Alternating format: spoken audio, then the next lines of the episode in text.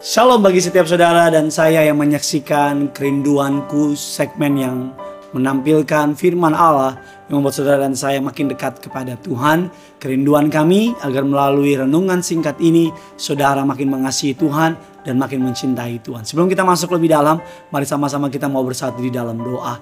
Bapak yang baik, Bapak yang kami sembah dalam nama Tuhan Yesus, betapa hati kami limpah dengan ucapan syukur karena kami punya Tuhan yang baik, Tuhan yang luar biasa mengasihi kami. Kami mau siapkan hati kami sambut kebenaran firman Tuhan, urapi hambamu, Pakai dia untuk menjadi saluran berkat. Lidah bibir perkataannya diurapi dari surga.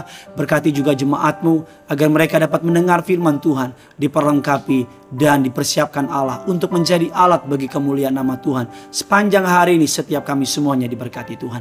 Di dalam nama Tuhan Yesus. Setiap kita yang siap diberkati. Sama-sama kita katakan amin. Kita akan membahas bagian yang kedua dari The Seven Word of Christmas atau tujuh kalimat yang mewakili tentang Natal. Saya percaya mungkin ada the ten word, mungkin ada the hundred word dan sebagainya. Tapi saya memilih tujuh kalimat yang mewakili Natal. Minggu lalu atau kemarin episode sebelumnya kita membahas mengenai salvation.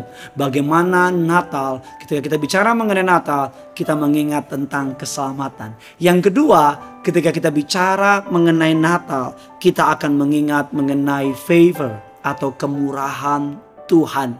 Bukan hanya engkau diselamatkan, tapi kemurahannya disediakan bagi saudara. Dasar firman Tuhan, mari sama-sama keluarkan Alkitab saudara. Injil Lukas 1 ayat 26 sampai dengan ayat yang ke-30.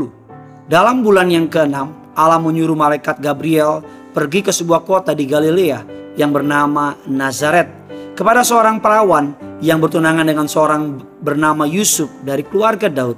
Nama perawan itu Maria.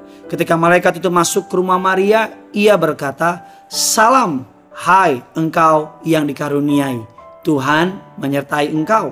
Maria terkejut mendengar perkataan itu lalu bertanya dalam hatinya, apakah arti salam itu? Ayat 30 sama-sama kita baca sekali lagi 1 2 3 kata malaikat itu kepadanya, "Jangan takut, hai Maria, sebab engkau beroleh kasih karunia di hadapan Allah." Ganti kalimat Maria dengan nama saudara, apa pun keadaan saudara bilang, "Jangan takut, hai Gideon." Sebab engkau beroleh kasih karunia di hadapan Allah. Dari satu perikop ini kata karunia ditulis secara dua kali. Kalau saudara mempelajari Alkitab secara teologi ya, saudara akan mengetahui kalau sebuah kalimat diulang lebih dari satu kali, artinya sang penulis atau dokter Lukas hendak memberikan sebuah penekanan, hendak memberikan sebuah pengertian bahwa ada sesuatu pesan yang ingin disampaikan. Di dalam ayatnya yang ke-28 Malaikat itu berkata kepada Maria, "Salam, hai engkau yang dikaruniai, Tuhan menyertai engkau." Garesi dikaruniai, Tuhan menyertai engkau. Di ayat yang ke-30 kata malaikat itu kepadanya, "Jangan takut, hai Maria, sebab engkau beroleh kasih karunia di hadapan Allah." Ketika kita mengingat mengenai Natal, kita mengingat bukan hanya salvation for human, salvation for us, tapi kita mengingat mengenai favor, kemurahan Allah. Apa sih kemurahan? Kemurahan adalah sesuatu yang kita tidak layak untuk terima, tapi diberikan kepada kita.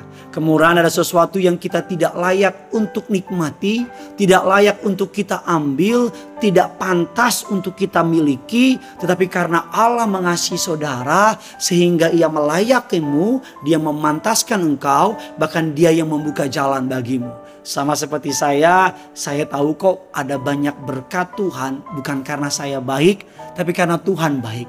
Ada banyak promosi yang Tuhan kasih sama saya bukan karena saya hebat, tapi karena Tuhan saya hebat. Saya tahu kok ada banyak terobosan-terobosan dalam hidup saya bukan karena saya yang menerobosnya, tapi karena Tuhan yang menerobosnya.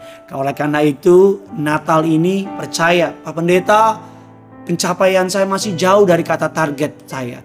Pak Pendeta, Natal ini rasa-rasanya saya akan minus. Jangan buru-buru bilang Natal ini akan buruk. Jangan buru-buru kasih judul ketika Tuhan belum memberikan judul. Jangan buru-buru kasih titik ketika Tuhan masih kasih koma.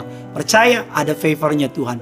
Ada kemurahannya Tuhan ada kebaikannya Tuhan. Saya mau bilang sama saudara, satu titik kebaikan Tuhan dapat mengubah seluruh kehidupan saudara. Satu titik intervensi dari Tuhan dapat mengubah kehidupan saudara. Bahkan satu titik kairosnya Tuhan atau kemurahannya Tuhan atau waktunya Tuhan dalam hidupmu, dalam keluargamu, dalam seluruh aspek kehidupanmu akan dapat mengubah seluruh kehidupan saudara. Oleh karena itu, percaya kemurahan Allah mengikuti saudara. Percaya kasih setia Allah melimpah dalam hidup saudara. Renungkan kata favor ini. Renungkan kata kemurahan ini. Devoted dalam perkataan ini. Sebelum kau keluar ke rumah, minta sama Tuhan. Kemurahanmu mengikutiku. Minta sama Tuhan, kebaikanmu mengikutku. Minta sama Tuhan, aku butuh kemurahanmu. Aku butuh kasihmu. Maka saya percaya benang yang kusut dalam hidupmu keadaan yang rusak dalam hidupmu, keadaan yang buruk dalam hidupmu, ekonomimu yang hancur, kemurahan Allah akan mengubah itu semua.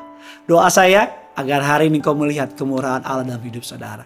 Doa saya agar Natal ini kemurahannya dinyatakan bagi setiap kita. Tulis komentar di bawah sini, kemurahan apa yang saudara terima dari Tuhan. Like, komen, dan demi kebaikan bagi setiap orang yang kita kenal bagikan kabar baik ini. Bilang sama mereka, eh ada kabar baik buat kamu. Kemurahan Allah, favornya Allah melimpah atas setiap kita. Saya mengasihi saudara, tapi lebih dari segalanya yang punya surga. Crazy in love with you and with you. Bye-bye.